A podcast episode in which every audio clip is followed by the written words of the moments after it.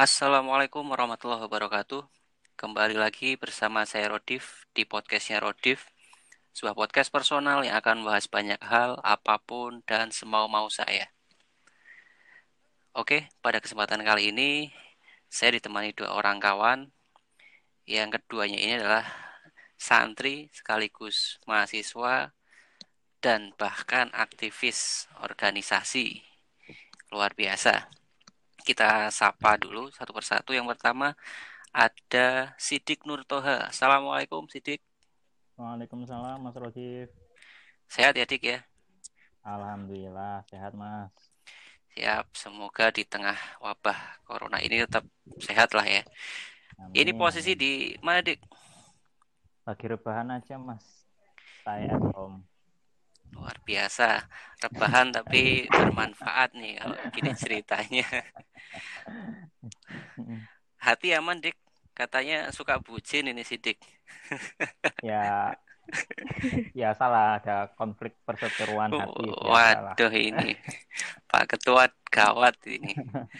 Ya kemudian partner diskusi kita yang kedua ada perempuan dari Jawa Tengah juga ini kalau Sidik itu dari Banyumas yang kedua ini dari Purworejo.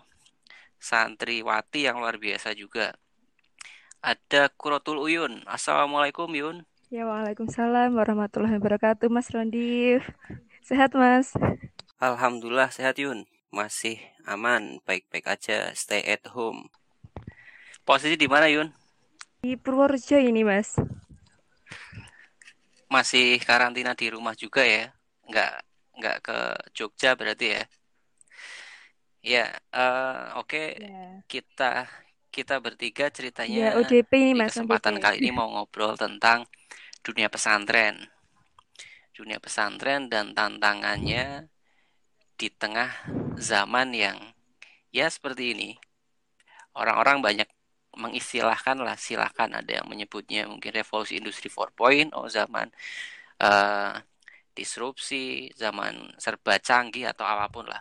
Nah kita uh, ditemani apa saya bersama dua orang partner diskusi kali ini yang mana mereka adalah santri sekaligus mahasiswa yang aktif di organisasi dan bukan kaleng-kaleng ini dua orang ini.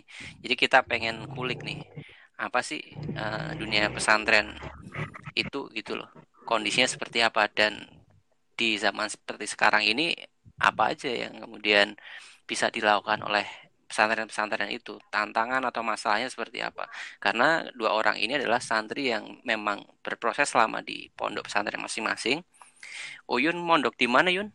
Kalau saya dari aliyah sampai kuliah di iya, Pondok jadi Pesantren lama ya, dari aliyah sampai Mas. Sekarang semester berapa Yun?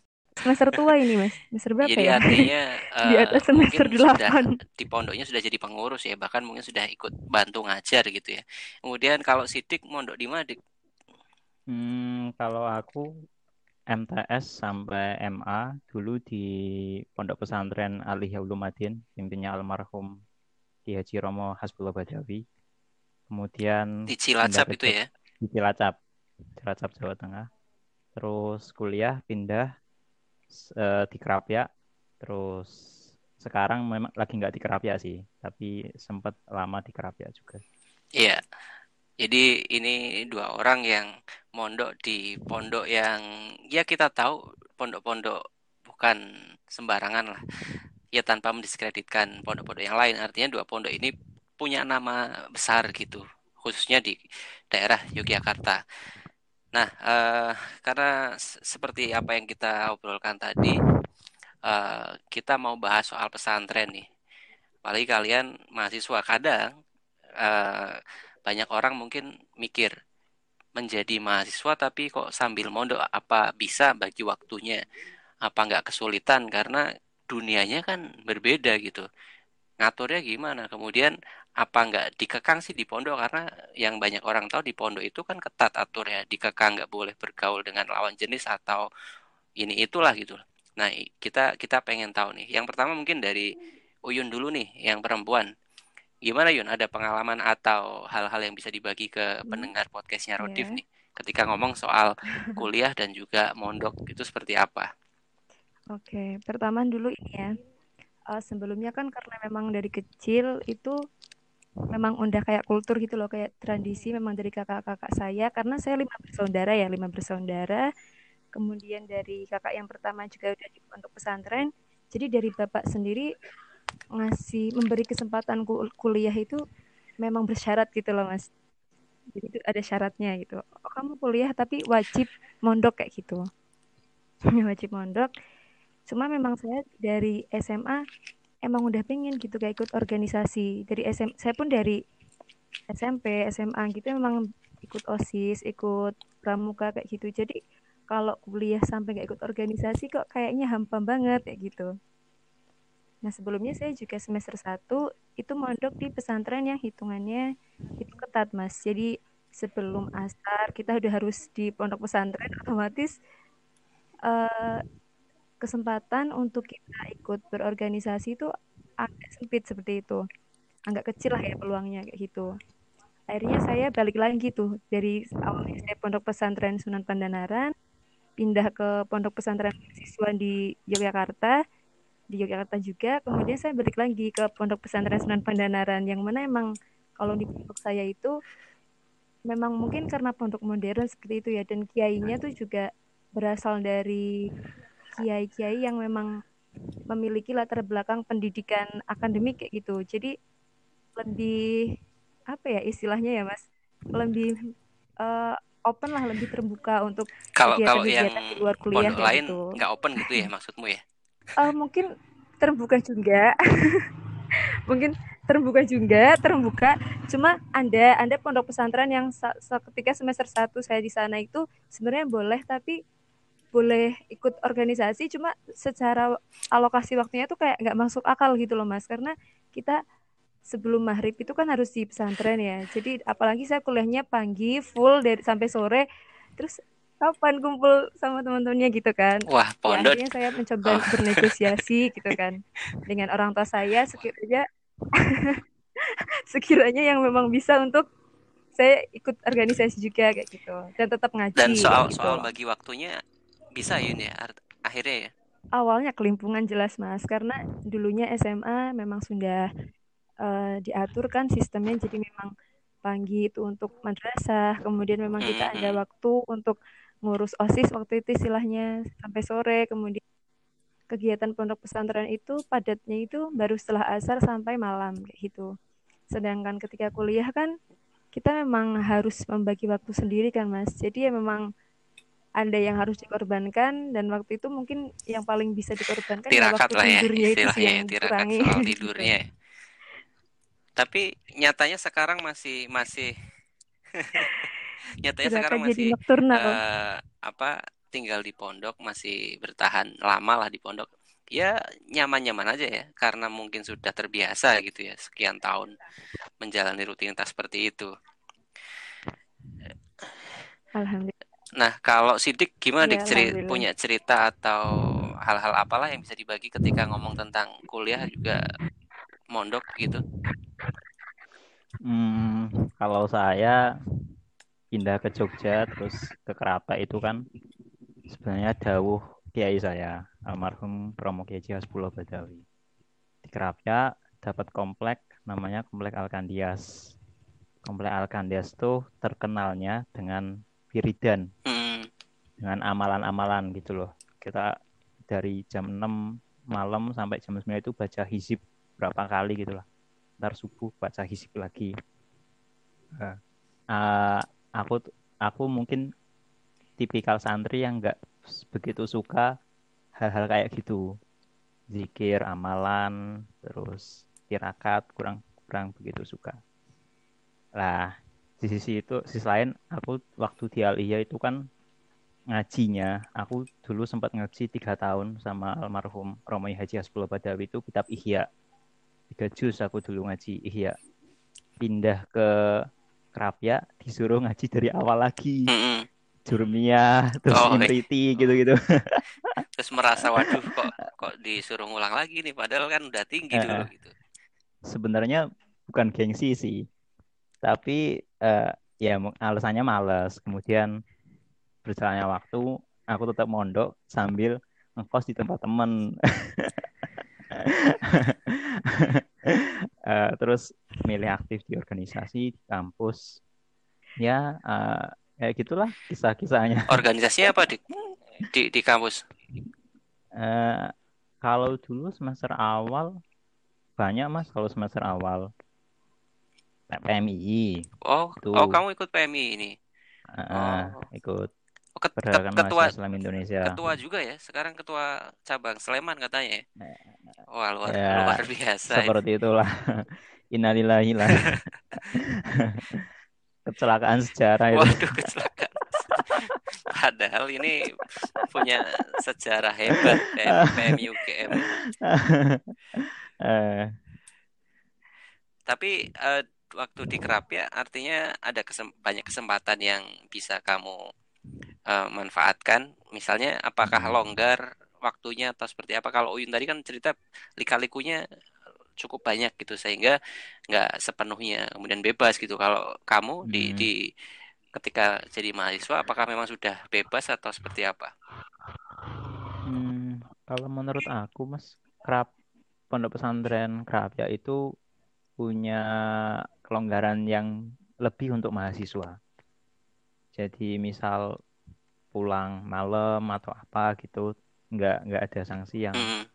yang keras gitu loh. Yang penting kamu tiap hari ada laporan ke Pak Yai. Kalau pagi itu kita aku tuh dulu masih suruh setoran dari awal setoran Quran dari awal. Yang penting kamu kelihatan aja tiap pagi setoran sama Pak Yai. Itu aja sih Terus apalagi sampai sekarang jadi ketua cabang ya tentu proses berorganisasinya kan nggak remeh temeh. Orang yang serius berkar berkarir dan ngat apa menjalankan kaderisasi betul gitu loh. Nah itu nah. ada ada ini nggak uh, apa ya dilema atau gejolak yang aduh berat ini atau nyaman-nyaman aja kamu? Uh, sebenarnya berat karena aku yang nggak pinter bikin manajemen waktu sih dulu tuh kita di PMI kan sempat ngerintis jurnal pergerakan namanya jurnal tradisi. Aku aku kebetulan jadi PU-nya dua hmm. tahun. Dua tahun jadi PU tradisi. Sering kita rapat tuh dari jam 9 sampai subuh. Waduh luar biasa memang. Kita, kita bikin perumusan or, rancangan organisasi macam-macam sampai subuh gitu dan karena waktu masih awal-awal itu sering bisa seminggu tiga kali rapat. Waktunya kayak gitu terus. Gitu. Terus ya karena nggak pintar bikin manajemen waktu ya ada yang ketiduran gitulah di salah satunya. Tapi akhirnya kan karena terbiasa ya jadi ya sudah hmm. gitu bisa bisa mengatasi segala halnya sendiri gitu ya. Ya. Kalau ini kalau Uyun juga di PMI juga Yun? PMI di, juga. di PMI sama kok, bareng cabang sama juga ya? Sleman ya? Kalau sekarang oh iya kalau sekarang apa, di cabang.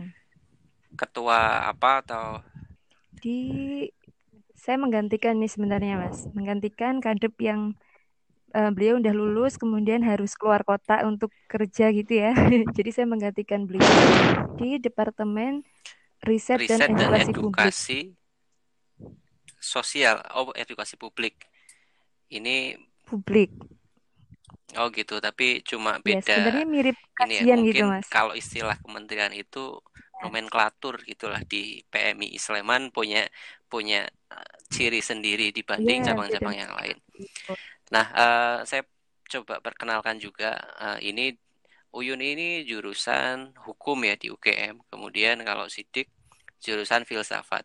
Dua jurusan yang Ya, Kalau saya boleh bilang pada umumnya santri ini mungkin agak agak apa ya jauh gitulah. Biasanya santri itu kan ambilnya jurusan agama, pendidikan bahasa Arab atau ya sejenis itulah usuluddin atau apa. Tapi karena mereka di UGM yang mungkin jurusan-jurusan agama itu tidak ada ya atau tidak spesifik begitu. Nah, mereka kok justru ngambilnya Eh, jurusan-jurusan yang yang kontras gitu hukum apalagi sih ini filsafat menarik nanti kita coba kulik juga lah uh, ada perbedaan yang mencolok hmm. itu perasaannya gimana atau yang dialami itu gimana gitu loh gimana dek kamu jurusan filsafat ya Heeh.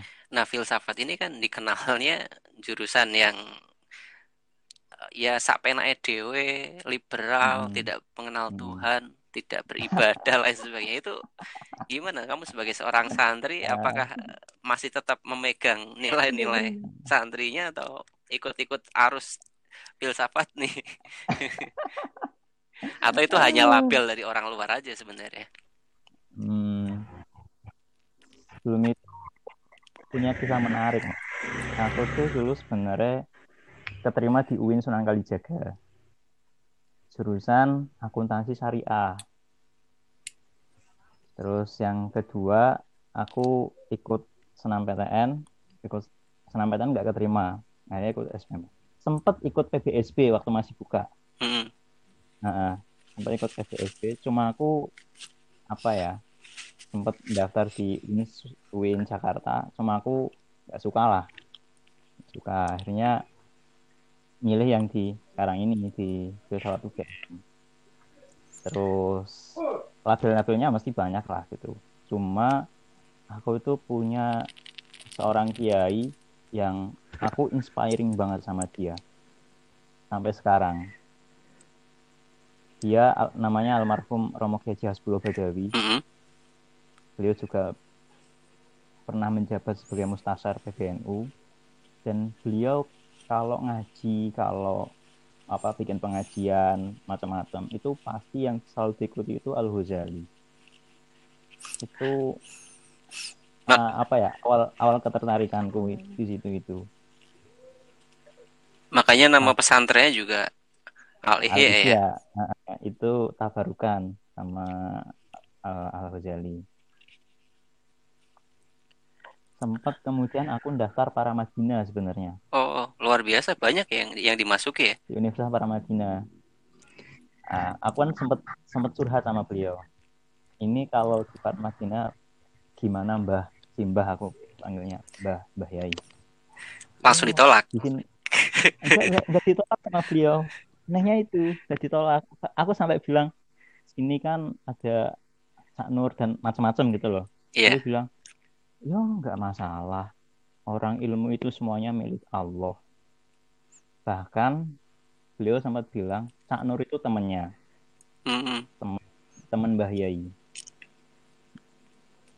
Mungkin temen karena dulu sama-sama HMI mungkin. Hmm. Oh, beliau Romo Yai juga sempat aktif di HMI dulunya. Sempat ngaku seperti itu. Oh, begitu. Eh, Terus terus ada pesan apa kemudian? eh, beliau bilang, ya nggak pernah masalah untuk ngambil ilmu di mana pun. Gitu loh. Yang penting kamu itu niat untuk menghilangkan kebutuhan. Yang lain-lain mengikuti. Itu prinsip dari beliau lah. Termasuk ketika memutuskan eh, ngambil di jurusan filsafat juga beliau ya memberi apa ya sinyalemen dukungan begitu atau membiarkan gitu ya. Iya. Membiarkan. Karena jujur aja Mas, di pondok pesantren Cilacapku ini pendidikan formalnya, kurikulum sistemnya itu buruk, Hmm. buruk banget. Nggak keurus sama sekali. Gitulah. Jadi beliau mendorong eh, yang punya semangat eh, keluar aja untuk nyari pengalaman sejauh-jauhnya. Nah, kalau soal ini eh, materi filsafat kan biasanya ya apalagi di kalangan santri ya, mungkin jauh banget Hmm. atau bahkan bisa sampai ber- dibilang bertentangan gitu. Itu pun ini nggak dibikin kamu wah kok gawat nih gitu atau Romo Yai dulu sempat mewanti-wanti apa begitu pesan-pesan khusus mungkin Kalau Romo Mbah Yai itu nggak pernah sih mas, setahu aku ya, nggak pernah. Bahkan beliau, beliau itu menurut aku sosok yang idealis dan selalu mencita-citakan eh, masyarakat Islam yang yang rasional, yang maju gitu. Aku aku soalnya pernah wawancara Mbah Yai itu lama, wawancara. Sempat beliau cerita abad pertengahan, abad kejayaan Islam, beliau sempat cerita banyak tentang itu. Jadi eh, termasuk mungkin cara pendidikan ke santri-santrinya akhirnya bisa sampai jadi kayak model kamu ini ya yang bisa dibilang kalau bahasa anak-anak sekarang open minded gitulah. Uh. Net netizen open minded gitu. Bener nggak Yun? Uh. Sidik ini open minded gak Yun? Tapi bucin gitu ya. Sangat-sangat open minded mas. Bahkan sindik ini loh mas, kalau kata temenku, oh. ketemu ini ya Yun ya kayak orang liberal gitu mas, sangat nah, open minded. Berbicara tentang apa tadi pesantren, pengalaman-pengalamannya, uh, kemudian sempat ada dilema atau gejolak ketika bagi waktu, dan kalian kan juga aktif di organisasi. Organisasinya juga bukan sebatas hmm. bikin program kerja kayak di internal kampus mungkin yang pertanggungjawabannya itu selesai di yang penting dijalankan soal implikasi uh, atau hasilnya seperti apa itu nggak nggak peduli gitulah. Kalau PMI kan ukurannya ada kadernya jadi nggak mendidik orang dari katakanlah dari nol kemudian jadi berapa itu kan diukur gitu loh. Kalau enggak ya kita terus didik lagi gitu. Nah uh, gimana kemudian kalian kok bisa gitulah mungkin ini bisa jadi mungkin apa ya hal yang dipetik oleh pendengar podcastnya Rodif ini. Apa nggak susah tuh gitu loh ngurus organisasi juga. Yang mana organisasinya itu ya harus intens gitu loh. Mungkin Uyun ada yang bisa diceritakan pengalaman ngomong bocah-bocah adik-adik di PMI ini sampai akhirnya ya menjalankan apa yang diamanahkan oleh PMI kepadamu ini gitu loh. Nah, kalau saya sendiri ini kan Mas ya, saya kan selama kuliah ini nggak hanya di PMI kan Mas. Jadi justru saya itu uh, bisa dibilang aktif yang benar-benar aktif di PMI itu justru ketika semester satu hmm. dua dan ya udah semester tua ini gitu loh Mas. Semester tua ini. Uh, jadi memang saya oleh kiai saya itu sering di, dibilangin kayak kayak gitu kamu ngapain hmm. saya kan pengen saya kan ini beasiswa kan mas kalau tadi sidik cerita dia pengen daftar PBSB itu uh, eh, PBSB itu penerimaan beasiswa santri berprestasi tapi aslinya penerimaan beruntung. beasiswa santri beruntung sih mas karena nggak prestasi sebenarnya ya karena doanya kiai aja ini bisa masuk kan nah saya ada kewajiban ngabdi sebenarnya Nah, karena sebenarnya saya pengen menyicil itu dari ketika kuliah, saya mau nyicil ngabdi biar ketika lulus saya udah langsung bisa uh, melangkah ke target yang lain kayak gitu. Tapi sama kiai saya dibilang gini, kamu kalau mau ngabdi itu ya nggak di sini gitu. Kalau mau ngabdi itu di masyarakat, ke teman-temanmu, ke lingkungan yang memang belum tersentuh. Jadi dititipi misi ke N1 juga gitu ya? Nah, iya kayak gitu. Jadi saya sendiri dari pondok pesantren itu mm-hmm. sama Pak Kiai kadang sampai di Japri gitu mas untuk ikut tawajuan aswaja ikut pendidikan kader penggerak NU kayak gitu. Karena Pak Kiai itu pengen saya ya jangan hanya upek-upek di organisasi NU aja gitu. Jadi gimana caranya nilai-nilai NU itu juga dibawa keluar gitu fakultasmu di lingkungan Gajah Mada yang emang sangat uh, heterogen sekali kan mas kayak gitu Mm. Nah, kalau saya pengalaman ngomong gimana ya? Justru malah saya lebih banyak uh, dalam ngomong ini saya sambil belajar gitu loh, Mas, sambil belajar gitu. Saya sendiri kan perlu apa namanya karena di organisasi di luar PMI yang itu bukan bukan NU kayak gitu, saya perlu penguat internal kayak gitu. Jadi sambil ngomong sambil saya juga benar, menyerap ilmu-ilmu juga gitu, kayak saling menjaga Hashtag gitu. saling jaga, saling jaga gitu. ya. Wah luar ya, biasa. saling jaga itu Jadi yang saya amalkan dari Mamba mas. Hashtag saling jaga itu. Dulu. Nah uh, berarti kamu ya aktif di internal sampai ya istilahnya apa ya mendakwahkan tadi yang dipesankan oleh Pak Kiai di ruang-ruang yang kamu bisa gitu ya. Salah satunya apa Yun kalau mungkin bisa di share di sini?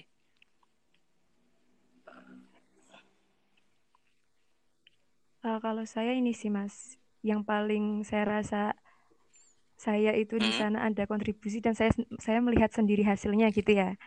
Itu ini sih keluarga muslim Fakultas Hukum sama satu kepanitiaan Hmm. besar di UGM yang emang itu prestis gitu loh, yang emang itu di sana jadi kayak forum untuk kayak Jadi jadi organisasi-organisasi itu pionir gitu berlomba ya. jadi Hmm, hmm, orang di sana gitu biar bisa masukkan tokoh-tokoh kita kayak gitu. hmm.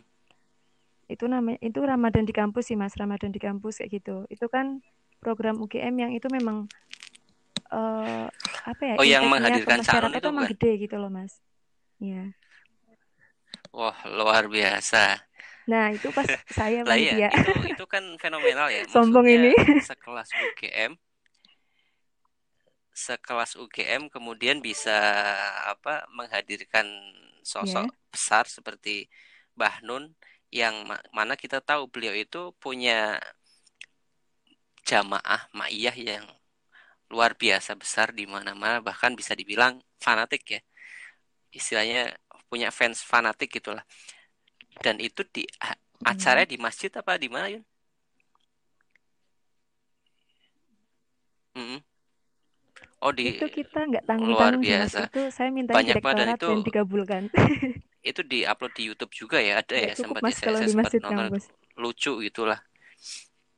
Dan Cak Nun berani nyenggol banyak iya. hal gitu yang yang yang kemudian mungkin eh, kampus negeri Iya. itu punya identitas keislaman yang biasanya kaku gitu loh. Akhirnya dengan menghadirkan tokoh sekelas Cak Nun ya jadi eh, punya warna lain gitu loh. Jadi pembeda lah gitu.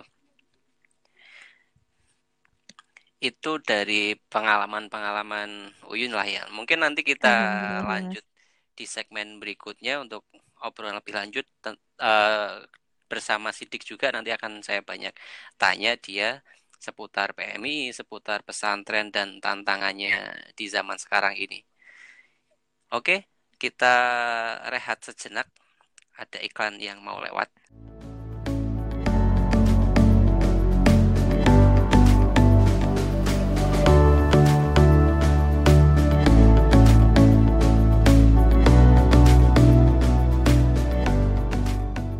Oke, kita masuk ke segmen berikutnya. Masih bersama Serodif, Sidik, dan Uyun.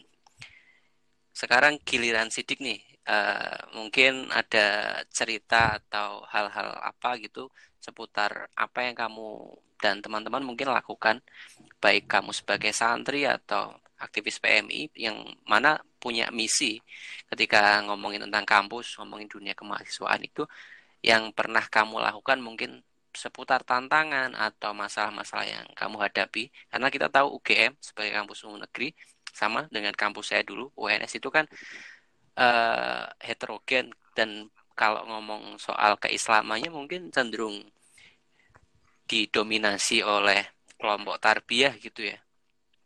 Nah, ada tantangan nggak gitu? Sidik ketika dari santri eh, di pondok pesantren NU kemudian aktif di PMI ketika di kampus itu seperti Hmm. apa gitu? Eh, Gimana, Dik? pasti ada sih mas cuma mungkin aku beda sama Uyun ya aku nggak begitu aktif di organisasi kemahasiswaan Islam di internal kampus Begitu mengikuti Mm-mm.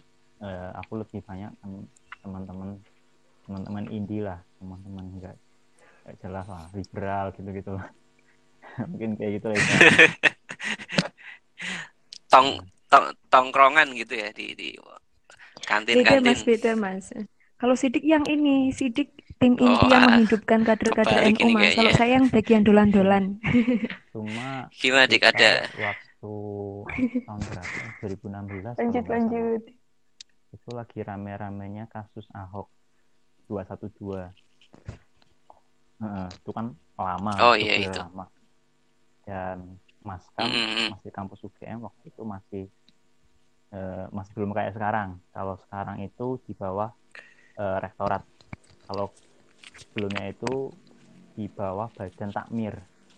Jadi rektorat nggak bisa mengintervensi langsung kegiatan-kegiatan yang ada di Maskam UGM Nah, waktu itu katanya RDK aku nggak tahu John waktu itu eh, panitia RDK atau enggak. Aku aku lupa tapi waktu itu Ramadan di kampus kegiatan rutin tahunan di UGM eh, beredar poster beredar poster apa pengisi kajian. Waktu itu kita tahu lah kayak Amin Rais waktu itu ngisi juga. Kan Amin Rais juga lagi hmm. rame-ramenya kan di kelas dua satu dua. Iya benar. Felix Xiao termasuk sek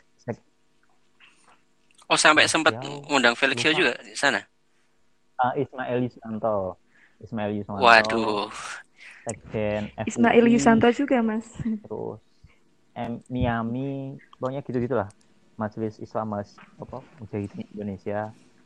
Iya. Yeah. Dan nggak ada representasi NU sama sekali waktu itu di kegiatan masjid mm-hmm. Maskam. Nah, kita sempat protes waktu itu. Anak-anak PMI ngumpul. Aku masih ingat tuh ngumpul di rumah PMI bahas ini. Nah ini nggak bisa kita terima.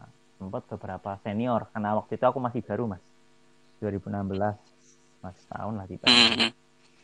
beberapa senior bilang ada yang protes ada yang protes kemudian kita sepakat untuk ngadain RDK tandingan Ramadan di kampus tandingan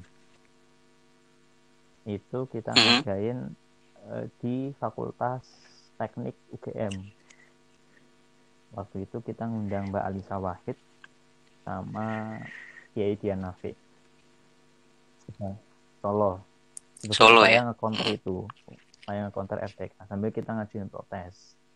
Nah, protes itu bersambut sebenarnya. Dia dapat konfirmasi. Ada konfirmasi ulang dari pihak takmir bahwa Gusmus diundang.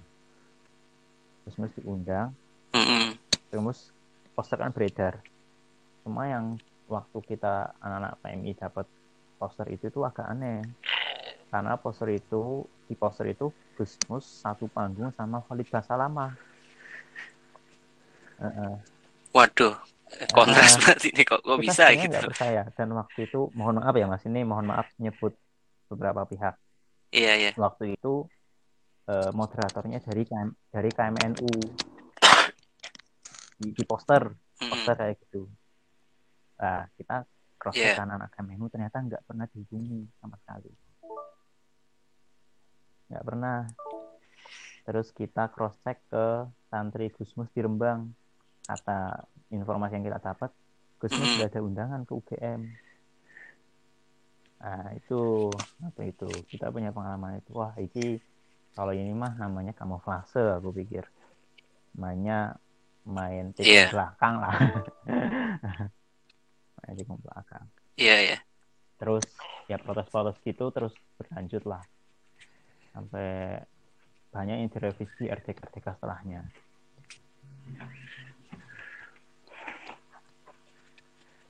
Dan akhirnya acara-acara yang apa sempat menghebohkan itu di pamflet-pamfletnya terlaksana nggak akhirnya gitu soal Ustadz Khalid Basalam dan lain sebagainya tadi. Mas. Cuma waktu itu yang HTI nggak uh -huh. jadi karena udah muncul isu pembubaran mm -hmm. HTI oleh pemerintah. Jadi Ismail Wiswanto oh, iya. Gawat juga berarti ya UGM waktu ramai-ramai aksi 212 itu ya. Artinya kayak teman-teman di tarbiyah atau kelompok-kelompok Islam sana itu memang memanggungkan betul gitu loh. Sudah disusun sedemikian rapi gitu loh agar ya mewacanakan sesuatu dari ruang kampus kan biasanya lebih didengar gitu ya ketimbang di ruang-ruang di luar kampus gitu. Halo Yun masih nyambung Yun? Iya halo masih mas masih. Ya uh, nah kita sudah ngomong soal tantangan atau cerita-cerita tentang permasalahan dakwah kalian ketika di kampus ya. ya. Baik kalian sebagai santri maupun aktivis PMI begitu. Nah, artinya sebagai seorang santri yang mungkin ya kebanyakan orang taunya santri itu kan pengetahuan soal dunia di luar uh, santrennya, ngaji-ngaji kitabnya itu minim atau bahkan sama sekali tidak tahu gitu loh tantangannya seperti apa, dunia luar itu seperti apa. Nah setelah kalian ada di uh, dunia perkuliahan, terutama apa terlebih di UGM gitu yang merupakan kampus besar kalian melihat wah ternyata dunia begini ya gitu. Kalau kita tidak hadir tidak serius bergerak ya kita bisa kalah. Itu dari sisi misalkan sesama tantangan sama dengan kelompok Islam ya. Belum lagi mungkin tantangan-tantangan zaman yang bisa saja kita kita sih nggak tahu ya. Tapi semoga saja sih nggak. Pondok pesantren itu kalau tidak uh, apa ya me mengupgrade atau memodifikasi banyak ornamen-ornamennya begitu itu bisa saja makin tergerus gitu loh peran dan fungsinya. Mungkin santrinya bisa saja mak makin sedikit kalah dengan eh, ruang-ruang uh, pendidikan formal sekolah-sekolah uh, ya sekolah yang pemerintah maupun swasta begitu. Nah, artinya ada tantangan nih yang dihadapi juga oleh pondok pesantren. Lah seperti apa kemudian peran yang mau atau langkah yang diambil sama pondok pesantren ini? mungkin dari Uyun uh, kalau dari pesantrenmu sendiri Uyun sudah kamu merasa pesantrenmu melek gitu terhadap perkembangan zaman ini sehingga pesantrenmu bergerak apa gitu atau bahkan ya tidak tahu menau gitu loh yang penting ngaji santrinya didik ngaji gitu aja gitu loh. Nggak tahu dunia luar. Gimana tuh? Ya kalau pondok pesantren saya mas ya menurut saya itu malah uh, soal manajemen pesantren. Pesantren-pesantren di Jawa dan Jawa, Tim Jawa Timur, Jawa Tengah gitu khususnya perlu berkiblat kepada pesantrenku deh mas kayaknya. Menarik nih apa apa ya? karena karena mana karena saya mengaku ya mas ini loh mas kayak manajemen pesantrennya itu bagus sih kayak gitu. Dalam dalam iya ya, dalam dalam, dalam hal apa misalnya ya. itu manajemen yang bagus itu realnya seperti apa contohnya? Realnya gini, kalau dulu itu kayak saya tuh bilang gini, uh, sistem pendidikan pesantren itu jangan disamakan dengan sistem pendidikan pendi, sistem pendidikan yang di luar kayak contohnya sekolah-sekolah kayak gitu. Kalau sekolah-sekolah itu kita itu uh, lebih kayak apa ya? Khususnya untuk sekarang gitu ya. Mungkin kayak munculnya SMK SMK kayak gitu karena banyaknya orang yang berpandangan bahwasanya sekolah itu yeah, untuk bener. kerja kayak gitu mas sekolah itu untuk kerja jadi memang memang uh, eh, SDM-nya dibekali skill bekerja dan lain sebagainya, cuma tidak apa ya? Mereka itu untuk membangun untuk bukan untuk membangun diri yeah. mereka sendiri gitu loh, Mas. Jadi mereka diproduksi untuk mungkin membesarkan sebuah perusahaan atau ya tempat di mana mereka bekerja kayak gitu. Sedangkan pesantren saya itu memang dari SMA aja kita udah diminta untuk kalau bisa itu dulu gitu. Jadi nanti artinya Halo? kita itu berilmu untuk diri Bentar, kita Yun, sendiri. Di, di, di, diulangi Yun, ya, uh, terputus tadi. Oh, terputus Istilahnya Pak Kemu gimana tadi? Oke. Okay. Oke, okay, istilahnya Pak Kiai saya itu kita itu jadi nabi Waduh, dulu baru jadi rasul kayak menjadi gitu. nabi. Iya, saya juga waduh jadi nabi ya kayak gitu. Istilahnya kita itu jadi pesantren itu membekali kita kayak misalnya pengetahuan-pengetahuan gitu. Nah, setelah keluar dari pondok pesantren kita jadilah rasul. Yang mana rasul itu kan kalau udah dapat wahyu kan nggak untuk dirinya sendiri kan, Mas. Benar. Tapi untuk disebarkan kemudian agar bermanfaat kayak gitu. Artinya respon lah ya. Nah, pesan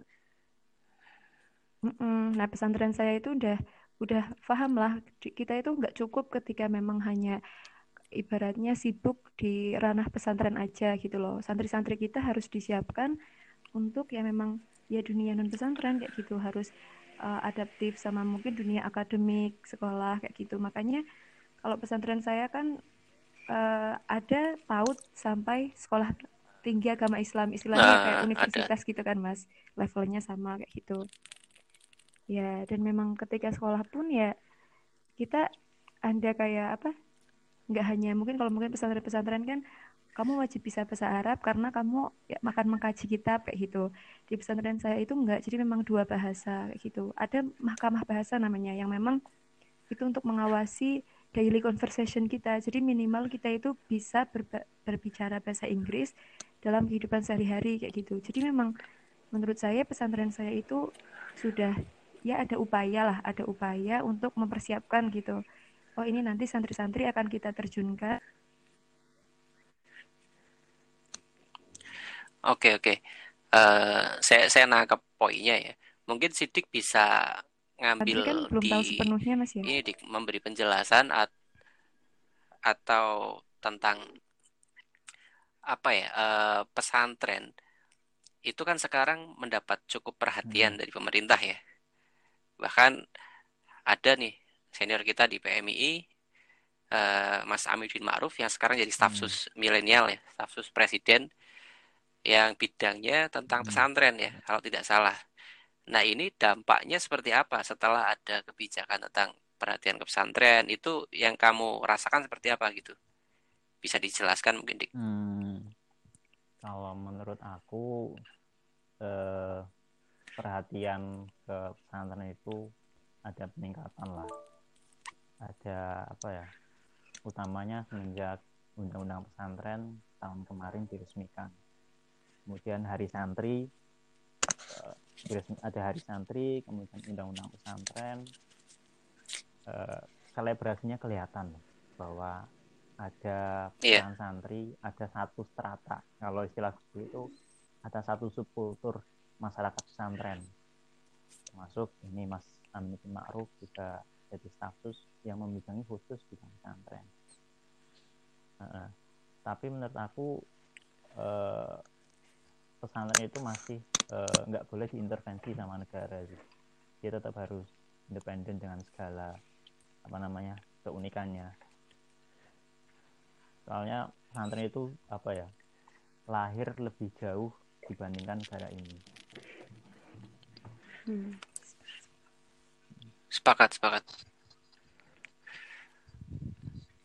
tapi artinya uh, ini enggak uh, apa yang dilakukan pemerintah itu sudah uh, paling enggak apa ya sosialisasinya atau mungkin realisasi programnya sudah nyata ada misalnya nih soal pemerintah kan menyebut lulusan pesantren mungkin yang salaf ya itu juga bisa kok uh, berkarir uh, jadi abdi negara jadi ASN gitu. Tentang hal itu atau tentang misalnya fasilitas yang pesantren diberi anggaran untuk uh, punya fasilitas-fasilitas sebagaimana sekolah-sekolah gitu komputernya kah atau layar proyektor untuk pendidikannya nah hal-hal itunya sudah sudah ada hmm. atau belum gitu loh ya kalau menurut aku memang bahas perusahaan itu kan bahas uh, satu institusi yang kompleks ya. Kalau dalam undang-undang pesantren aja itu paling nggak ada tiga fungsi pesantren kan. Fungsi pembelajaran, fungsi pendidikan, fungsi pemberdayaan sosial, kemudian uh, fungsi dakwah. Jadi satu institusi pendidikan itu punya tiga fungsi. Menurut aku tuh cuma pesantren. Dia harus membedakan ekonomi masyarakat di sekitarnya harus mengajarkan ajaran Islam kepada masyarakat luas dan harus mendidik santri-santrinya. Aku aku nggak nggak lihat lah di sistem pendidikan. Apalagi di Indonesia ya nggak lihat sistem pendidikan itu ada. Nah karena kompleksitas itu pun menuntut penyelesaian yang kompleks. E, cuma memang di beberapa hal ya banyak faktor kan. Maksudku negara juga ada upaya negara untuk merek merekognisi pesantren dan ada upaya pesantren untuk mm-hmm. memperbaiki dirinya. Aku bilang pesantren di sini itu pesantren-pesantren ahlu sunnah ya. Soalnya soalnya yeah, sekarang yeah. kan banyak banget oh, pesantren pesantren pesantren bener baru banget, yang iya, iya. nggak nggak jelas iya benar banget. Nggak jelas. Nggak, jelas. Aku misal punya uang 30 miliar aku bangun gedung lima lantai tak namain pesantren Asidiyah juga nggak apa-apa. Itu bisa. Aku aku bikin ajaran feminisme gitu.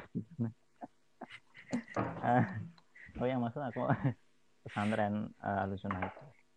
Uh, makanya kalau semisal dibilang sosialisasi memang ini kan undang-undang pesantren setahu aku seupdatean aku karena aku kemarin sempat ikut FGD di PWNU PWNU Jogja bareng sama RRI. Nah, aku memang turunan PP sama permen juga masih ongoing. Jadi belum belum 100% selesai.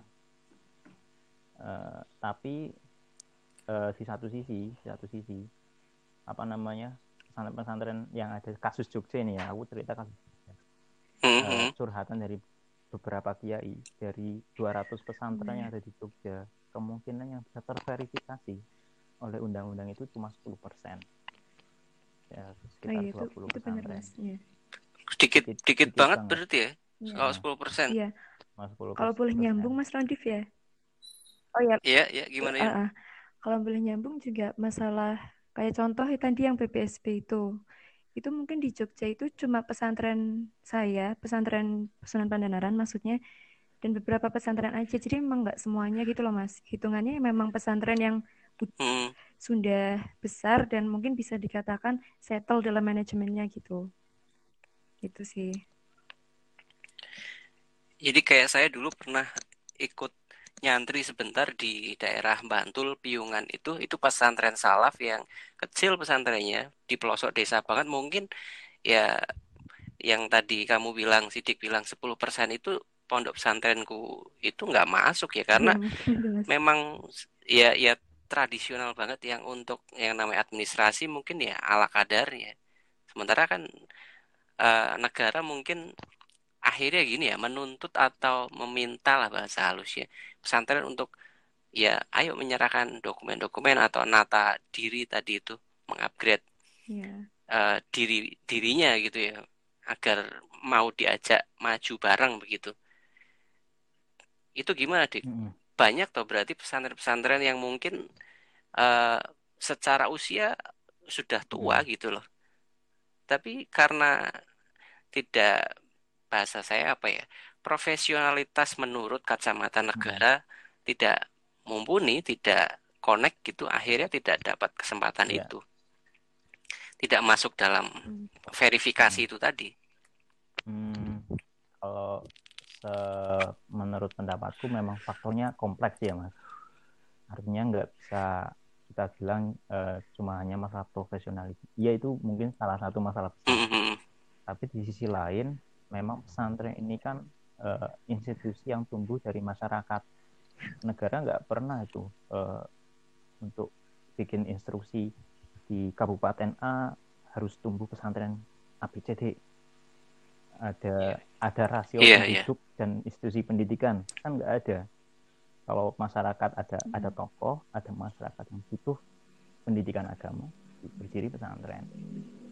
Lah tapi di sisi lain eh, karena mereka udah tumbuh sementara di sisi lain ada ancaman lain. Di Jogja itu banyak pesantren-pesantren yang bisa ngakses ya dalam tanda kutip bisa ngakses dana tapi itu bukan pesantren bukan pesantren yang umurnya tua. Pesantren-pesantren baru itu banyak banget dengan manajemen dan administrasi yang yang lebih. Mereka Hmm. bisa ngakses dapat kayak apa namanya alat-alat komputer peralatan kantor bangku-bangku kelas pembangunan gedung itu kalau dalam undang-undang pesantren ada alokasi untuk itu termasuk pembangunan pembangunan masjid. Mm. Nah, hal seperti itu kan maksudku ini eh, sebuah peluang yang bisa ditangkap oleh pesantren. Ya tinggal kita kan bilang pesantren mau nangkap apa enggak. Tapi kan kita enggak enggak enggak segampang Iya, iya. itu gitu loh. Mm, Iya. kita tahu lah ya. Ya karena eh, di sejarah Indonesia sendiri kan 32 tahun ketika Soeharto memimpin pesantren itu kan Iya. hampir pesantren NU ya.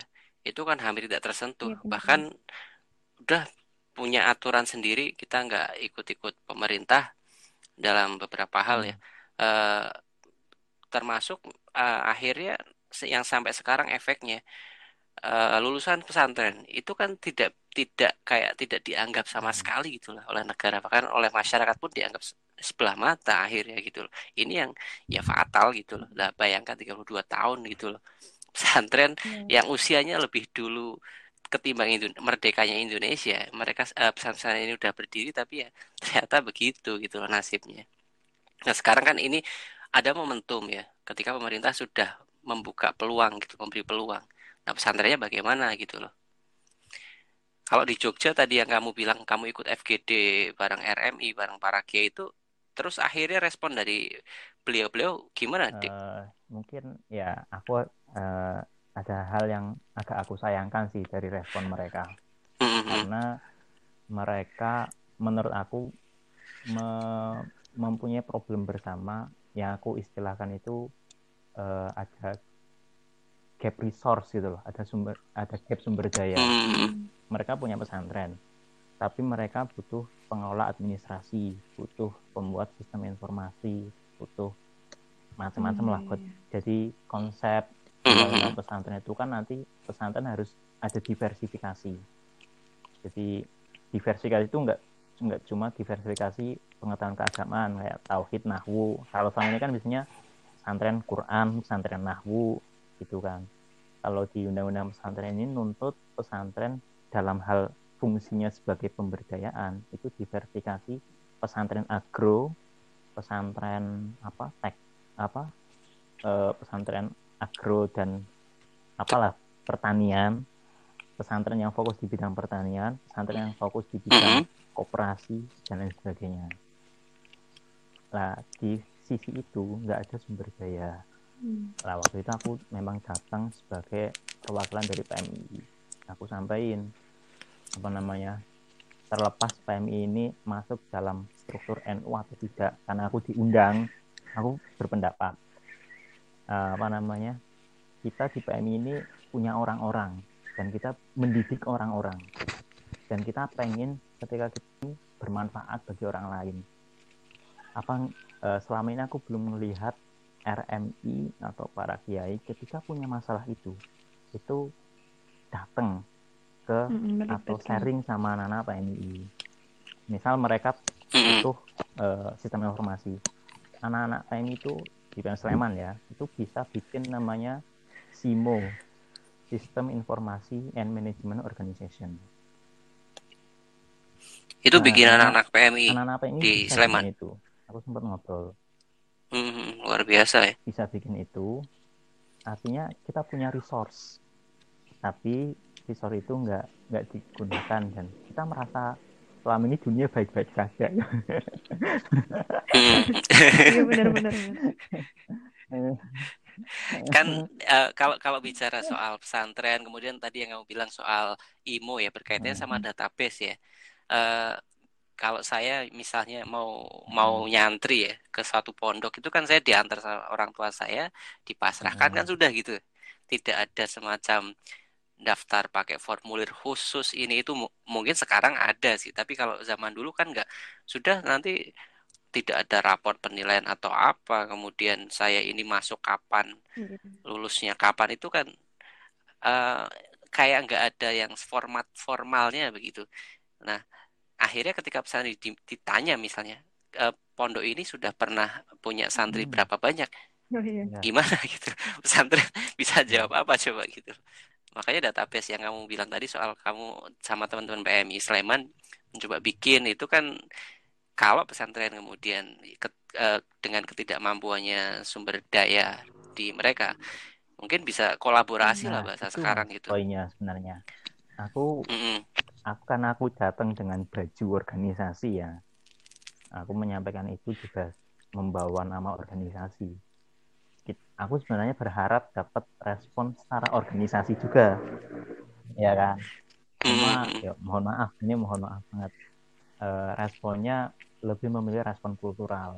Artinya eh, Hmm. beliau-beliau bilang seperti ini. Ya kalau kalian ada ya monggo sowan-sowan poro kiai menawarkan diri Sowan. kita selalu terbuka siap gitu As always Mas Sowan. Nah, hmm, Ya, ya, ya karena itu tadi yang kamu bilang bahwa pesantren itu punya hmm, uh, semacam Mm. sistem yang negara tidak bisa intervensi ke beberapa hal itu, termasuk ke sistem-sistem kayak tadi gitu loh. Tapi menurut saya gini, ya ini situasinya sudah semacam mau Mm. tidak mau gitu loh. Kalau memang pesantrennya itu melihat ini ada peluang gitu, ya sudah gitu loh. Uh, responsif. Ini bahasa saya sebagai orang Hmm. dari luar pesantren ya. Kenapa kemudian tidak mengakali itu gitu? Pesantrennya responsif ke ketidakmampuannya apa? Kolaborasilah karena NU dengan punya RMI-nya kan menjadi ruang yang memfasilitasi banyak hal itu harusnya gitu loh. Ya artinya memang belum berjalan dengan baik mungkin ya kolaborasinya ya. Kalau aku bilang pemetaan sumber dayanya nggak nggak ada. Artinya kalau kasus ini kan kita pengen bilang kita punya resources yang kita didik gitu ya dan kita bingung kita sampai kadang mentok juga mau didik kayak apa eh, ternyata ada pihak dari katakan orang tua kita lah. Orang tua kita ya yang membutuh yang selama ini punya masalah dan membutuhkan resources itu. Dan kita diam-diam aja gitu. Kayak iya ngambek kayak kayak ini enggak Pak Gimana, Ketua Yun? Pak Sindik dan Mbak Randif ya kayak menurutku juga ada uh, apa ya perbedaan ini loh orientasi antara pondok dengan mungkin santri-santri yang memang uh, sudah di perguruan tinggi umum ya perguruan tinggi umum PTN negeri yang umum gitu dan ikut organisasi kayak gitu kayak beda orientasinya gitu loh mas. Uh, mungkin beberapa pesantren sudah melibatkan ya sudah um, berusaha merekrut mahasiswa mungkin yeah. kegiatan-kegiatan uh, apa ya kalau saya pernah ikut ya mungkin kayak yang tawajuan aswaja itu. Cuma baru sebatas yaitu fungsi tadi fungsi dakwah itu loh mas. Fungsi dakwah sedangkan sebenarnya mungkin pesantren belum atau gimana ya belum belum menyadari bahwasanya di luar kapasitas dakwah uh, santrinya ini loh Pak Yai itu sebenarnya Pak Yai Pak Yai ini punya santri yang mereka itu sebenarnya expert juga di bidang masing-masing gitu loh. Mungkin ya itu tadi bidang uh, eh, IT yeah. kayak gitu. Nah itu belum belum ada arah ke sana gitu loh mas. Sedangkan kita akhirnya di dunia kampus pun kita kan gimana ya untuk sekarang itu uh, pemuda yang dianggap gimana ya pemuda yang menerang apa menerang menyalakan lilin kalau istilahnya yang ada di artikel asumsi itu ya iya iya itu kan pemuda yang dia itu uh, apa ya penuh dengan pencapaian akademik kemudian dia itu bisa keluar negeri jadi pengusaha gitu-gitu kan Nah, itu santri juga Anda gimana ya, Mas? Berada di persimpangan itu loh. Kita antara memegang amanah untuk didawuhi untuk selalu dakwah, ini loh kamu Anda harus menguatkan nilai-nilai NU misalnya. Di sisi lain kita itu juga ya pingin gitu loh bersaing ya, menjadi pemuda yang yang ideal yang menerangkan lilin dan lain sebagainya itu. Jadi ya akhirnya overburden gitu loh mas. Dan karena nggak ada yang mengarahkan juga, ya gimana akhirnya ya ini. Jadi nggak nggak belum bisa connect gitu loh antara apa yang dibutuhkan pesantren, kemudian sebenarnya itu uh, santri punya kapasitas apa saja yang bisa dieksplor gitulah istilahnya digunakan gitu sebagai resource gitu yang tadi Pak Ketum Sidik bilang kayak gitu mas. Menurutku sih. Iya iya menarik sih. Uh, kita uh, lanjut obrolan di segmen berikutnya ya karena kita perlu rehat sejenak ada pesan-pesan okay. yang mau lewat dulu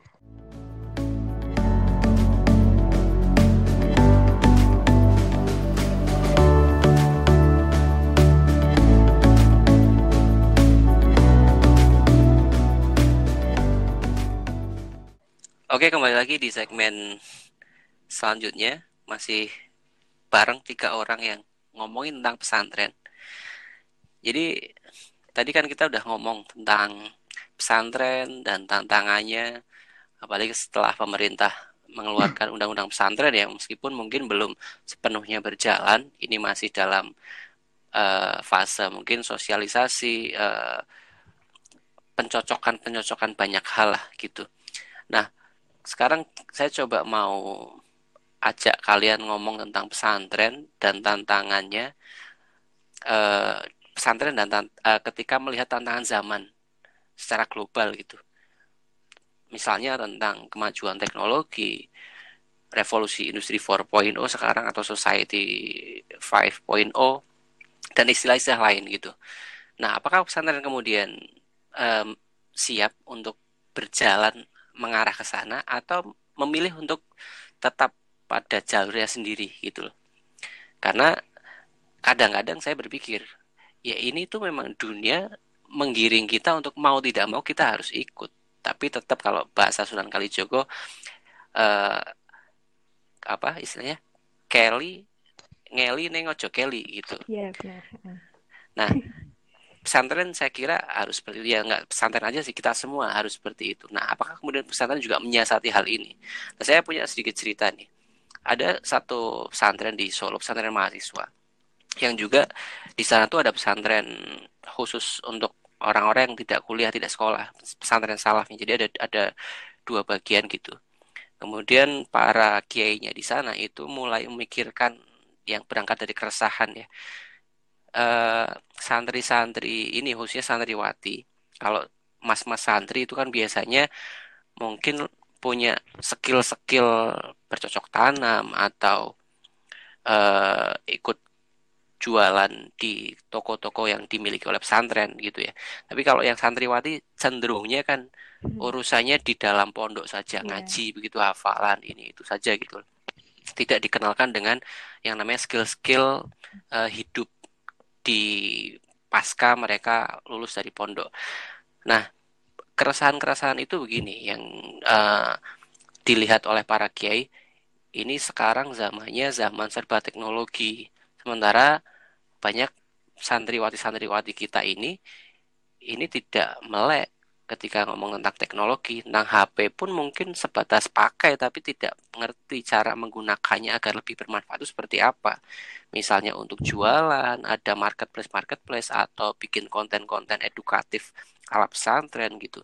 Nah, dari keresahan itu kemudian uh, muncullah program agar uh, santriwati itu dibekali skill jualan online. Mereka menghubungkan dengan pihak yang expert gitu, yang juga ada jaringnya dengan pondok pesantren. Orang mungkin dulunya juga santri yang sudah jadi pengusaha, tapi masih punya ke, uh, kepedulian terhadap pondok pesantren akhirnya di, di, diundang lah. Dan kebetulan pengusaha itu juga jalanin bisnis online. Akhirnya para santriwati itu diajari bagaimana sih mengelola bisnis online bagaimana misalnya buka akun Shopee cara berdagangnya seperti apa. Ini kan bagian dari tantangan zaman. Karena misalnya jualan di pasar saya juga profesi saya jualan jualan di pasar ya jualan pakaian itu saya merasa bahwa wah ini makin gila kalau uh, terus-menerus mengandalkan pasar konvensional, bisa saja orang-orang akan kalah gitu loh dengan pasar-pasar daring atau e-commerce e-commerce itu. Maka termasuk di kalangan santriwati di pesantren itu perlu saya kira dibekali hal-hal macam itu. Siapa tahu ketika mereka sudah berkeluarga misalnya menjadi ibu ibu rumah tangga, mereka tetap bisa sembari ngomong anaknya ngurus rumah tangga itu mereka tetap bisa sambil jualan itu kan simpel sekarang tapi itu hal sederhana yang kalau tidak dikenalkan, tidak dibekalkan kepada mereka, ya akan percuma gitu. Pakai HP sebatas untuk nonton, untuk hiburan-hiburan yang secara keman kemanfaatan mungkin akan minim gitu loh. Nah, kalian memandang hal ini seperti apa? Apakah di pesantren kalian atau yang kalian lihat lah secara umum, pesantren sudah melek dengan hal-hal macam itu atau masih ya nun sewu mungkin abai begitu? Mungkin Uyun atau Sidik lah yang mau bicara duluan silakan. Monggo Pak Ketum. Uyun dulu monggo. Uyun gimana Yun? Oke. Okay. Tadi kan ini soal tantangan zaman Mas ya. Iya. Kalau menurut saya ini sebenarnya kalau melek sih udah sih Mas. Ah mungkin ini sudut pandang dari pesantren saya dulu Mas ya. Iya, iya. Kalau melek mungkin udah. Tapi untuk secara umum mayoritas kok saya rasa kok belum Mas ya. Maksudnya dalam artian khususnya nih santriwati gitu mas ya. Bahkan kalau sekarang nggak usah lah kita ke pesantren yang meskipun tadi Pak Ketum tidak setuju ya adanya pembedaan tipologi pesantren modern dan tradisional gitu cuma ini untuk mempermudah kita gitu loh untuk mempermudah uh, kita men, apa ya mendefinisikan kayak gitulah pesantren salaf kayak gitu. Mungkin kalau jangankan bilang pesantren salaf gitu loh bahkan pesantren mahasiswa yang hitungannya sekarang kan modern gitu ya. Kadang kan peraturannya aja tuh udah beda gitu loh mas antara putra dan putri santri putra dan putri gitu. Contohnya kayak tadi uh, tadi kan Pak Ketum Sidik cerita kan kalau oh kalau pesantren saya itu uh, bebas kok pulang malam nggak apa-apa yang penting ikut ngaji gitu. Nah di beberapa pesantren mahasiswa pun juga kayak gitu gitu loh mas kayak yang putra tuh bebas yang penting pulang jam berapapun yang penting ketika jam ngaji ikut ngaji. Tapi enggak dengan santri putri gitu. Bahkan itu satu yayasan gitu loh satu pondok pesantren itu peraturannya antara putra dan putri beda gitu. Nah mungkin ini dengan alasan adanya penjagaan atau apa gitulah ya. Yang mana kayak saya cerita tadi kalau santri putri itu bahkan asar aja wajib udah di pondok gitu kan. Artinya peluang santriwati untuk kenal dengan dunia luar kayak gitu pun lebih sedikit kayak gitu mungkin ini anu ini ya kita kita um, di episode lain ngomong soal kesetaraan okay. gender oh, iya, oh, iya, oh, iya, oh, iya. dunia pesantren akan menarik gitu oke okay. ini nyambung ke tadi lagi tuh ya nah itu kan karena karena karena tadi ngomong santriwati ya jadi ketrigger untuk akhirnya bahas soal itu ya kalau untuk ini sih perkembangan zaman sih menurutku tinggal ini aja sih mas kayak sekarang kan masa apa ya uh, masa NU itu khususnya NU itu udah dapat ruang gitu loh mas baik secara uh, legal formal di pemerintahan kayak gitu kita banyak dikasih ruang oleh pemerintah tapi di situ kita perlu ngelola glorifikasi aja sih mas kayak selama ini tuh kita terlalu mengglorifikasi oh ini loh kita santri itu berperan kita hmm. dulu tuh yang uh, pokoknya kalau nggak ada santri nggak merdeka deh Indonesia kayak gitu kan. solusi jihad gitu kan yang selalu iya, diglorifikasi yeah, yeah.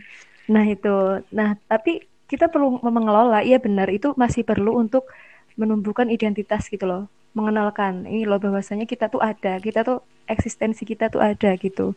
Cuma kita yaitu yang belum itu ketika bagaimana uh, identitas itu dibawa dengan secara personal kita mengikuti perkembangan zaman gitu loh mas. Misalnya secara santri personal dia uh, berkontribusi dalam perkembangan teknologi atau apa gitu dengan tanpa melepas atribut kesantriannya gitu loh. Nah sekarang kan masih jarang untuk ke sana gitu loh. Sekarang kita masih fokus kepada yaitu menikmati apa ya wadah yang diberi oleh negara gitu.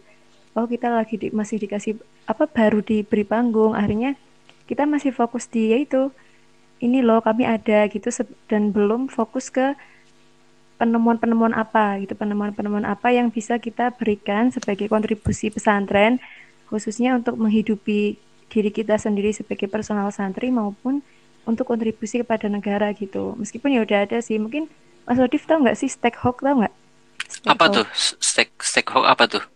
Stakehawk itu itu punyanya Mas ini siapa sih namanya Mas Malik Ibrahim tahu nggak sih Dik? Yang santri Al Hikmah itu loh. Nah tahu, itu tahu. itu kan nah, ya. perusahaan ya. itu bidang apa Dik? Bidang robotik tau? Ya bidang robotik hmm. itu dan kayaknya tuh aku baru tahu itu sih yang dari kalangan santri dan itu pun malah justru nggak nggak mendapat glorifikasi gitu loh dari pesantren yeah, yeah, harusnya yeah. kan yang penemuan-penemuan pencapaian semacam itu harusnya kan justru pesantren itu wah ini loh ada santri kita yang bisa kayak gini gitu tapi selama ini kan belum ada sih kita masih baru oh santri itu dulu pada masa lampau punya peran seperti ini seperti ini kayak gitu Iya, mi misal juga ini kemarin-kemarin kan sempat uh, ada hal viral ya di media sosial uh, Gus Abe salah satu sekarang itu kandidat ketua umum PBPMI. Mm -hmm. Beliau kan kuliah di lanjut kuliah di Jerman ya. Beliau viral, dia viral mm. karena pakai sarung oh, iya, di iya. Jerman gitu ya. Oh, nah, mm. ya ini sesuatu yang bagus menarik ya di mata mungkin para santri gitu hmm. atau pondok pesantren secara umum. Tapi kalau tadi Uyun ngomong soal glorifikasi-glorifikasi yang mungkin akan lebih tepat diterapkan ke hal-hal yang sifatnya yeah. prestasi gitu ya mungkin ya, bukan semacam simbol-simbol seperti itu. Nah, ini mungkin kita juga masih belum mengarah ke sana. Ketika ada san, san, seorang santri di luar negeri pakai sarung, itu kita hebohnya luar biasa.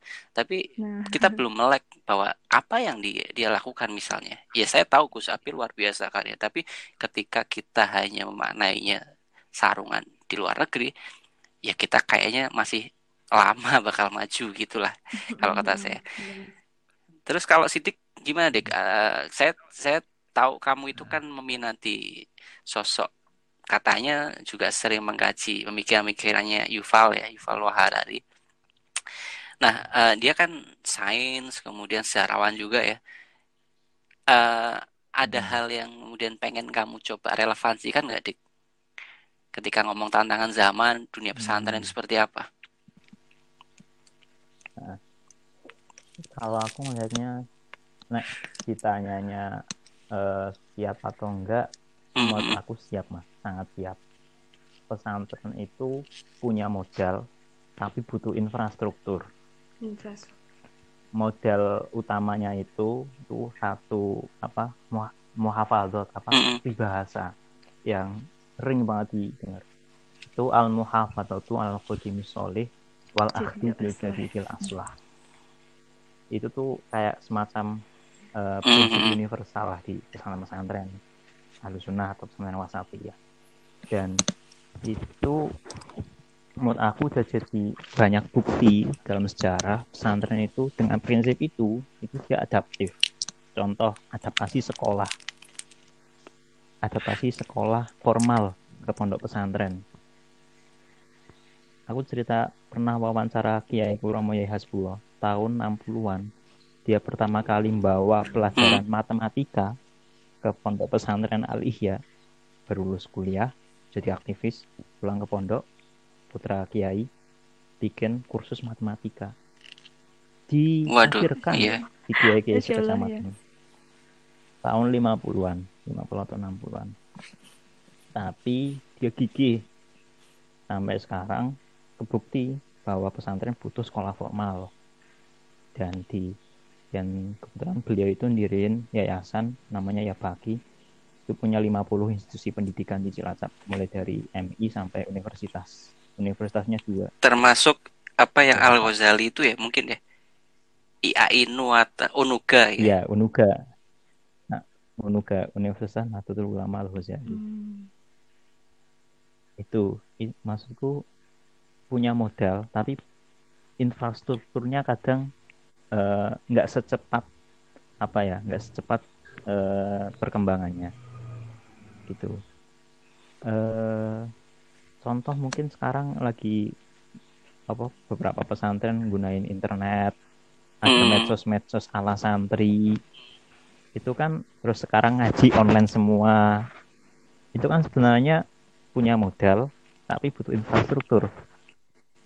Kiai-kiai itu setahu aku ya banyak kebetulan aku di tradisi dulu di jurnal tradisi sempat bikin riset tapi gagal pengaruh teknologi digital di pesantren. Kita sempat bikin wawancara sekitar 8 kiai. Di Jogja itu yang diwawancara kiai Jogja. Di Jogja kiai Jogja kiai kiai pondok pesantren Jogja. Itu hampir jawabannya itu semuanya di kondisi bingung tapi nggak meng apa ya nggak menjauhi teknologi. Dan waktu itu aku masih ingat waktu-waktu itu kita sempat di tradisi diskusi kayak ngaji online itu hukumnya gimana? Barokah apa enggak? Sekarang ini new normal. Ngaji online itu udah bentuk normal iya, iya. kita udah nggak tanya benar atau enggak. Iya benar benar iya kan? Jadi menurut aku udah punya modal cuma nggak infrastrukturnya memang memang masih belum masih belum belum memadai. Ya tugas yang muda-muda sih menurut aku. Nggak mungkin ya iya sepuh untuk mikir hal-hal kayak gini. Kalau pesantren nggak siap ya sebenarnya yang yang yang muda-muda ini ya yang yang apa ya yang terlalu jauh sih. Terus ya gitu sih mas. Kalau ya Harari juga bilang gitu sih. Pesan teknologi itu bukan bukan apa ya itu tuh uh, tools yang sebenarnya harus dimanusiakan gitu loh gitu.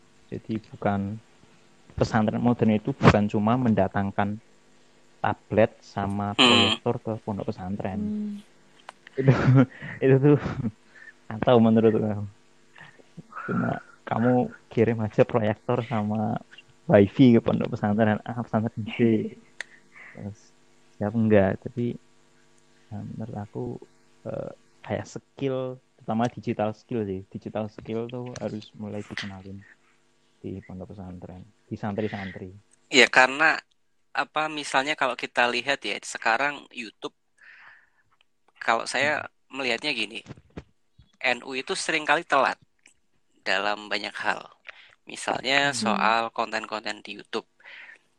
Uh, mungkin lebih dulu kelompok-kelompok macam Ustadz Halid Basalam, Felix Xiao dan lain iya. sebagainya yang sering bikin viral gitu ya, sering trending di medsos mana pun termasuk di YouTube. Nah, kemudian NU hadir dengan telat. Meskipun sekarang mungkin bisa mengejar sih. Uh, kalau ngomong media online-nya dengan NU online kan sebenarnya Mas Safik Ali itu sudah lebih dulu ketimbang mungkin media kelompok kelompok-kelompok Islam yang lain. Tapi karena menjadi sesuatu yang dianggap apaan sih kayak kayak sesuatu nggak nggak mungkin ada gitu di masa depan. Tapi Mas Afik dan kegigihannya akhirnya buktikan kalau ini loh sekarang buah betul gitu loh. And online menjadi rujukan oleh banyak orang ketika mau googling tanya hukum-hukum Islam uh, yang nangkring di uh, nomor satu itu sudah N online. Kalau kemarin-kemarin mungkin media-media punya kelompok-kelompok sana gitu loh. Sekarang sudah itu artinya kan kerja keras dan tadi Sidik bilang modal sudah ada infrastrukturnya. Nah, infrastruktur ini kita hmm. uh, sambil jalan tapi kita kebut gitu loh, akselerasi terus.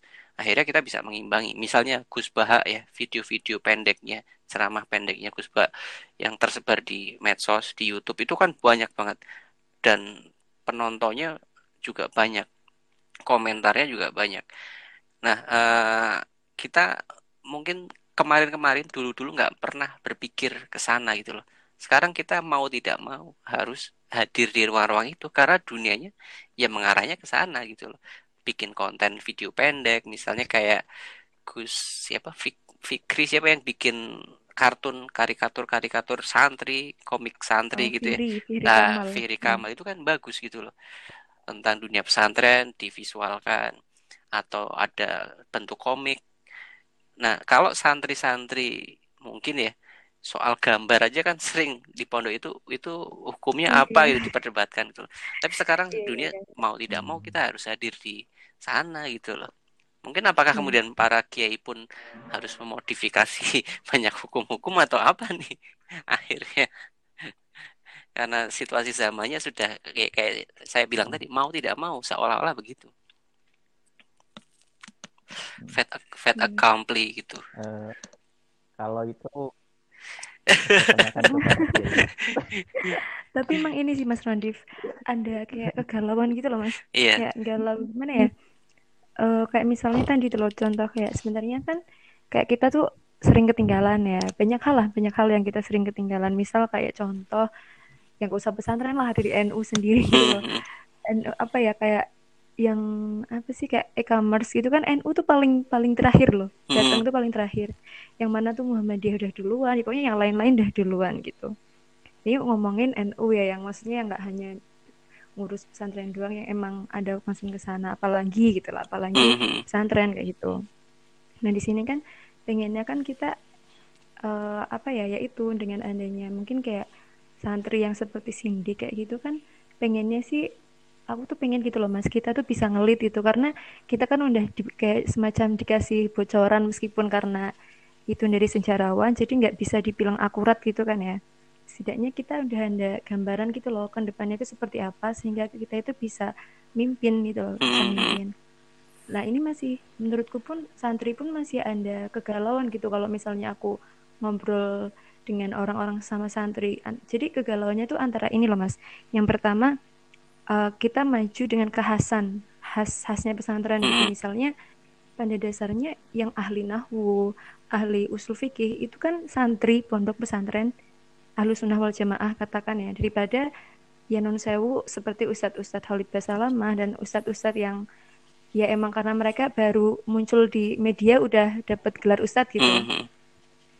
nah ini kan sebenarnya kita udah punya expert di bidang itu gitu loh harusnya harusnya gitu kan. Harusnya kan kita emang pede aja gitu loh untuk oh ini loh kita pakar handis kita pakar apa yang kayak yang didawuhi Gus Bahar. Betul Gus betul pernah, sepakat. Ah, itu pernah itu. pernah dawuh seperti itu. Nah itu satu itu satu sisi. Dan di sisi lain kita juga yaitu yang mana tadi Mas Rondif bilang kita mau nggak mau sedang digiring ke apa ya arus zaman gitu loh. Yang mana kalau kita uh, enggak enggak ngeli gitu juga kita akan ya belajar dari dulu-dulu lah sejarah manusia pada zaman dulu yang mana ketika mereka nggak mampu untuk beradaptasi akhirnya mereka punah kan atau mungkin istilahnya termarginalkan gitu.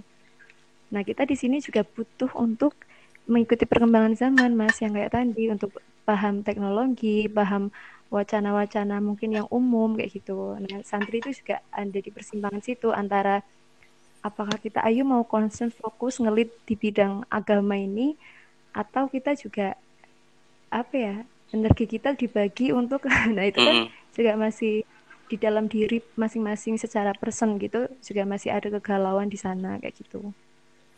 Apalagi misalnya kita menghadapi situasi ini kan sesuatu yang tidak kita duga-duga ya wabah ya. Hmm. Yang nah, membuat pola hidup seluruh masyarakat di dunia itu benar-benar berbeda gitu loh. Ya ini situasi yang mau tidak mau gitu loh.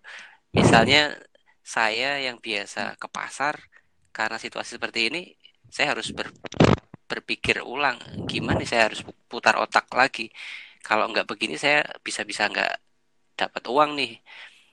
Akhirnya misalnya saya online atau ambil profesi lain apa yang uh, yang dari situ bisa saya dapat uang untuk makan gitulah.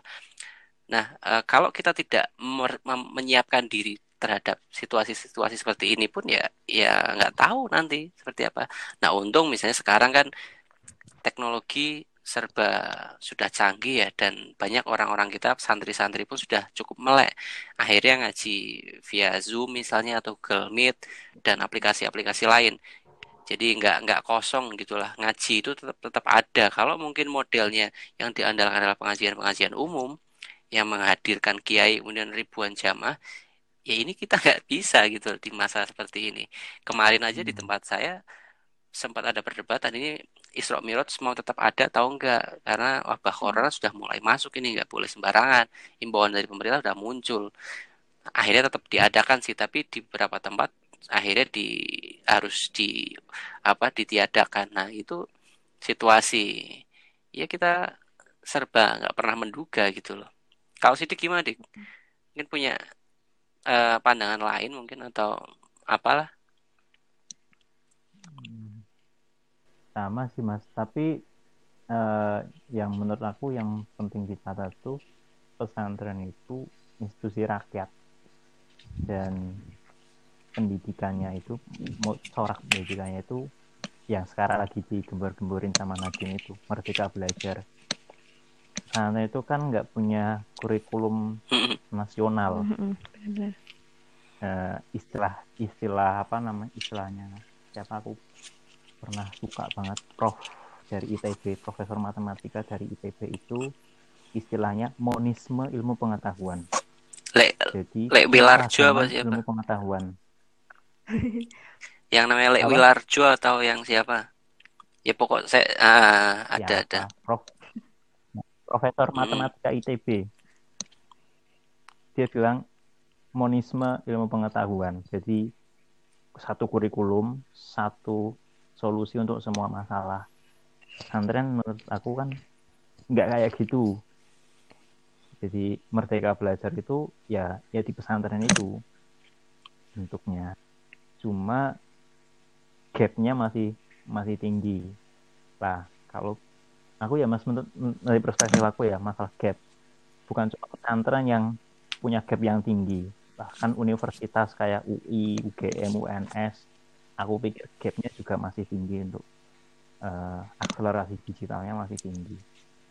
Misal pemerintah aja ya, pemerintah aja uh, yang masalah isu startup. Hmm. Isu startup itu kan 1001 startup itu itu kan cuma apa 90% gagal 96% gagal hanya berapa yang kemudian jadi unicorn, dekakon itu gagal karena nggak nyentuh isu utamanya isu utamanya itu bukan bikin startup. Kalau isu utamanya bikin startup, itu cuma ngalihin modal yang dulu industri manufaktur ke industri digital. Pemodalnya hmm, tetap. Yeah. Lah, isunya itu sebenarnya itu digital skill, skill digital yang di seluruh Indonesia itu nggak nggak merata. Cuma ada di kota-kota besar di jurusan-jurusan tertentu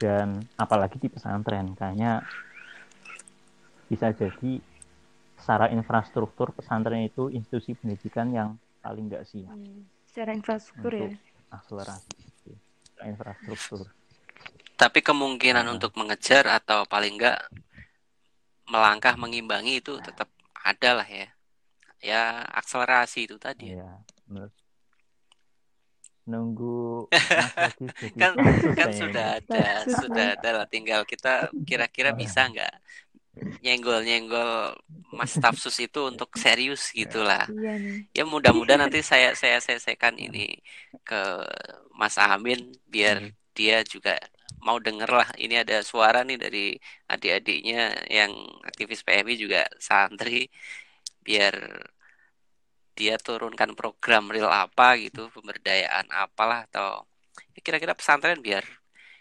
bisa punya kemajuan gitu loh. Ya bukan berarti saya bilang pesantren itu nggak maju ya, tapi kita butuh lebih gitu loh. Atau besok diundang di podcastnya Pe- podcastnya pengen sebenarnya pengen pengen tapi ya saya tahu sa- sadar diri lah meskipun dulu eh, saya ya kalau interaksi lumayan bisa dibilang lumayan lah. Sekarang kan sibuk banget dia gitu. Enggak sih tadi ini aja kayak yang yang Anda bilang ini loh soal perannya itu kan berarti kan ngomongin kayak peran gak sih Mas? Kayak Mas Aminuddin sebagai staf sus dan lain sebagainya. Maksudnya udah ada wadahnya gitu loh aslinya kan ya. Iya, tinggal ya kolaborasi tuh kayak kata, kata kunci kita mungkin kolaborasi. Ketika orang-orang kita yang sudah sama-sama melek ya dan pemerintah sudah mem- membuka kesempatan gitu. Kita bisa nggak saling kolaborasi? Jangan kemudian kita punya niat kolaborasi, tapi yang satu pihak misalnya diem gitu lah ini ya mungkin butuh proses panjang juga untuk diskusi terus gitu. Kita mencoba saling mengingatkan satu sama lain gitu. Mungkin kalau aduh ini gimana dek? Gim- Cinta gimana dek itu, Mas. Cinta itu cinta itu butuh usaha dua orang. Kalau usaha satu orang itu namanya usaha. Aduh ini kebucinannya udah merasuk ke DNA ini Mas. Tapi bagus bagus ini namanya inspirasi ini. Iya bi- ya benar bisa benar benar. bisa nanti aku jadikan quote itu dari Sidik ini Iya. Wah, ya menarik ya kita nggak nggak kerasa juga ngobrol Hmm. soal pesantren di episode kali ini panjang banget ya mudah-mudahan jangan bosan lah ya kalian untuk terus mau saya ajak berkolaborasi kalau bahasa kita tadi. Ngomong hal lainnya l- lagi ya seputar NU mungkin seputar PMI atau seputar hal-hal dunia sekarang revolusi industri 4.0 lah atau digital apa gitu. Menarik sih ngobrol sama kalian. Ya kita nggak perlu menyimpulkan lah ya di obrolan kali ini. Semoga apa yang eh, sudah kita obrolkan panjang lebar tadi ini ada manfaat buat pendengar podcastnya Rodif di mana pun mereka berada.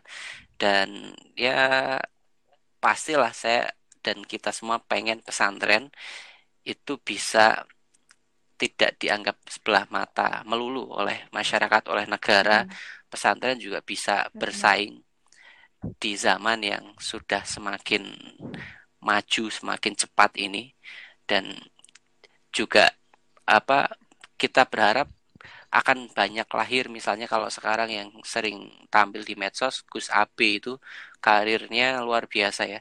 Beliau sering diundang ke sana kemari di level nasional juga namanya sudah cukup harum gitu.